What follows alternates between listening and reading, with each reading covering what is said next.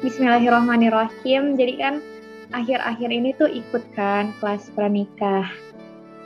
Selama setiap sesinya tuh kayak benar-benar insightful gitu sih kayak ternyata ibaratnya persiapan untuk kita menuju ke arah sana tuh benar-benar harus disiapin banget baik dari perempuan ataupun laki-laki laki-laki. Jadi nggak bisa sih hanya perempuan saja atau laki-laki saja. Harus seimbang gitu untuk apa ya merangkai ibadah yang panjang dalam jangka waktu panjang. Kan nikah itu ibadah ya. Ibaratnya kita sholat. Ya, sholat saja yang dengan jangka waktu 5 menit gitu kan. 5 menit sampai 10 menit itu sering banyak gangguan kan. Sering kita banyak tiba-tiba muncul pikiran yang lain atau apa pun itu. Jadi banyak ujiannya ketika sholat yang dalam jangka waktu segitu, apalagi ibadah menikah gitu, yang jangka waktunya panjang dan kita nggak akan tahu ke depannya gimana. Jadi emang penting banget untuk benar-benar mencari apa ya, mencari pendamping yang sevisi dan semisi gitu. Jadi merawat cinta ya, merawat cinta hingga ke surga itu salah satu hal yang agar bisa memudahkan yaitu dengan cara diri kita sendiri itu udah mampu nih membuat visi misi pernikahan.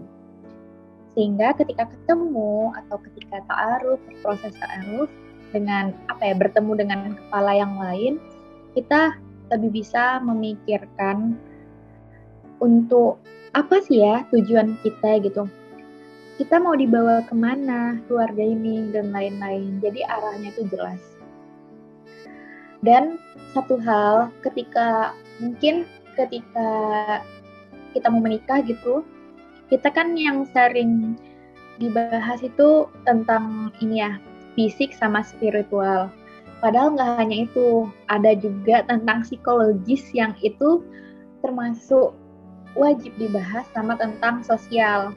Jangan sampai kita tuh nggak tahu ternyata pasangan kita tuh termasuk yang uh, antisosial atau termasuk yang kayak anxiety gitu kan. Jadi kita tuh harus benar-benar tahu tentang psikologis dia, tentang fisiknya, kesehatan fisiknya gimana, tentang sosial dan tentang terutama spiritual. Jadi beberapa hal yang mungkin bisa kita pikirkan nih ketika kita mau menikah. Da, mungkin dalam jangka waktu ke depannya kita tuh apa ya motif kita untuk menikah dengan dia dan kenapa harus memilih dia. Terus seberapa besar sih keyakinan kita untuk menikah dengan dia. Terus apa aja nih harapan kita dan harapan pasangan kita. Serta kita tahu harapan dari keluarga besar calon pasangan kita terus kita juga ibaratnya itu yakin bisa menjadi pasangan yang sempurnakah atau yang bagaimana. Terus kita juga sudah bisa mendiskusikan visi dan misi pernikahan serta mau dibawa ke mana ke arah eh, mau dibawa ke mana keluarganya gitu. Jadi ketika bicara tentang persiapan nikah tuh nggak hanya bicara tentang resepsi gitu, nggak hanya bicara tentang persiapan akad, nggak bahkan jauh lebih eh, lebih jauh daripada itu. Kita benar-benar harus tahu bahwa ada berbagai persiapan lain yang jauh lebih dibutuhkan agar kehidupan setelah walimah itu bisa berjalan dengan indah. Karena kan seperti halnya yang di sosial media ya nikah itu nggak hanya seenak-enak itu gitu ataupun uh, mungkin yang ada di sekeliling kita gitu misalnya kayak keluarga kita atau intinya tetangga kita mungkin uh, ada kayak beberapa isu pernikahan gitu kayak KDRT dan lain-lain itu jadi juga nggak hanya sekedar itu jadi banyak hal tentang pernikahan gitu terutama kan ibaratnya kita akan apa ya sebagai ikhtiar ya untuk menghasilkan generasi emas selanjutnya. Dan apa ya, kita tuh juga tahu apa sih makna dari pernikahan, terus uh, kita juga kayak tahu apa sih makna dari keluarga besar. Karena pernikahan juga nggak hanya menyatukan dua orang tapi menyatukan dua keluarga. Nah seperti bah pembahasan sebelum apa ya sebelum pernikahan itu juga penting ketika kita proses taaruf gitu. Kita tuh kayak harus tahu banyak hal. Misalnya uh, nanti urusan finansial nih siapa nih yang megang gitu. Apakah istri boleh bekerja ketika bekerja bagaimana membagi waktu terus kayak yang mengurusi anak siapa aja dan lain-lain. Jadi ada refleksi persiapan mental nih sebelum menikah. Kemarin juga ada di share di dia namanya di kelas friend. Jadi kayak yang pertama tuh sadar. Kita tuh harus benar-benar sadar setiap orang itu memiliki kelebihan dan kekurangan, termasuk pada diri sendiri, pasangan, dan keluarga besar. Kadang tuh kita sering impulsif gitu ya, ketika mendapatkan masalah.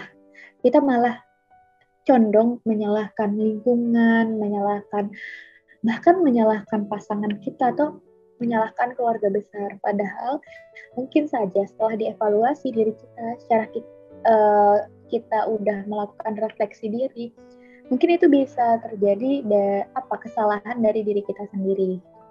Jadi di sini tuh penting banget untuk saling komunikasi gitu sama pasangan kita, saling, saling evaluasi. Jadi kita juga bisa bersama menyelesaikan permasalahan tersebut. Kedua itu tahu. Jadi kita tuh nggak hanya mengetahui apa ya perasaan yang saling suka aja, tapi kita juga tapi kita juga butuh untuk mengetahui tentang kebutuhan, harapan, visi pernikahan dan pasangan hidup. Kan karena kalau misalnya menikah karena emang suka aja, itu ibaratnya ya cuma berapa persennya gitu. Tapi kita harus saling saling apa ya benar-benar tahu apa sih kebutuhan keluarga ini gitu. Apa sih kebutuhan harapan dari pernikahan ini. Untuk apa? Untuk kita menyelaraskan tujuan hidup, untuk memiliki pengetahuan, untuk memiliki pengetahuan tentang ilmu pernikahan juga perlu untuk mengedukasi diri kita. Kalau kita aja nggak tahu apa ya visi misi kita, kita nggak tahu apa visi misi pasangan kita, bagaimana kita mengarahkan visi misi anak-anak kita kelak jadi ini tuh harus benar-benar dibahas sebelum pernikahan. Apakah pernikahan ini orientasinya dunia atau dunia dan akhirat gitu. Terus yang ketiga tuh ada mau. Kita dan pasangan harus benar-benar mau berjuang dan berkomitmen bersama. Namun ternyata bukan hanya komitmen saja, melainkan ada konsisten jadi kita betul-betul harus melaksanakan komitmen tersebut secara konsisten. Lalu kita tuh buat kesepakatan. Nah di kesepakatan ini kita buat konsekuensi untuk berjuang saling memperbaiki diri. Misalnya uh, ada reward dan punishment di masing-masing kita dan pasangan kita itu bisa apa ya menjadi suatu hal yang nge-trigger kita oh iya kita nih harus bisa konsisten gitu. Te, jadi di sini tuh benar-benar berjuang berjuang untuk memperbaiki diri. Jangan hanya wanita saja yang mau memperbaiki diri atau jangan hanya laki-laki saja yang mau memperbaiki diri gitu. Tapi keduanya. Nah, di sini juga kan pasti banyak ya kayak suami istri tidak apa ya banyak um, apa ya ibaratnya itu menghadapi konflik jadi memaafkan kesalahan di sini itu sangat penting dan mau terbuka mengenai apa yang membuat kita nyaman dan tidak. Kadang ketika kita udah menikah, kita tuh condong menyepelekan masalah komunikasi. Padahal komunikasi itu penting banget karena sampai saat ini bahkan tidak ada satu manusia pun yang bisa membaca pikiran manusia lainnya. Oleh karena itu pentingnya komunikasi jadi apa pun hal yang membuat kita tidak nyaman kita komunikasikan. Misal kayak uh, aku khawatir kalau kamu pulang terlalu larut gitu. Cara mengkomunikasikannya juga dengan apa ya? Dengan bahasa yang bisa diterima, bisa saling memahami.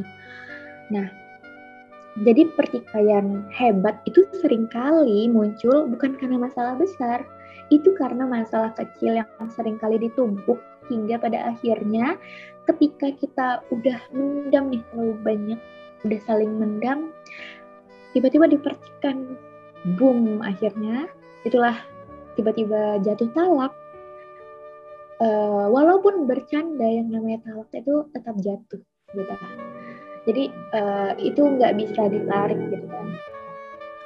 Jadi uh, apa ya ibaratnya itu kayak di sini selama apa ya selama ikut kelas pranikah itu sangat-sangat di highlight bahwa komunikasi sih jadi skill communication itu sangat-sangat penting sebelum kita benar-benar menuju ke arah sana. Karena ibaratnya kalau kita sendiri aja sulit memahami diri kita, gimana kita mau berusaha memahami orang lain gitu. Uh, jadi itu sih kurang lebih sekiranya yang apa ya, yang mungkin bisa di sharing di malam ini. Semoga bermanfaat guys. Thank you. Wassalamualaikum warahmatullahi wabarakatuh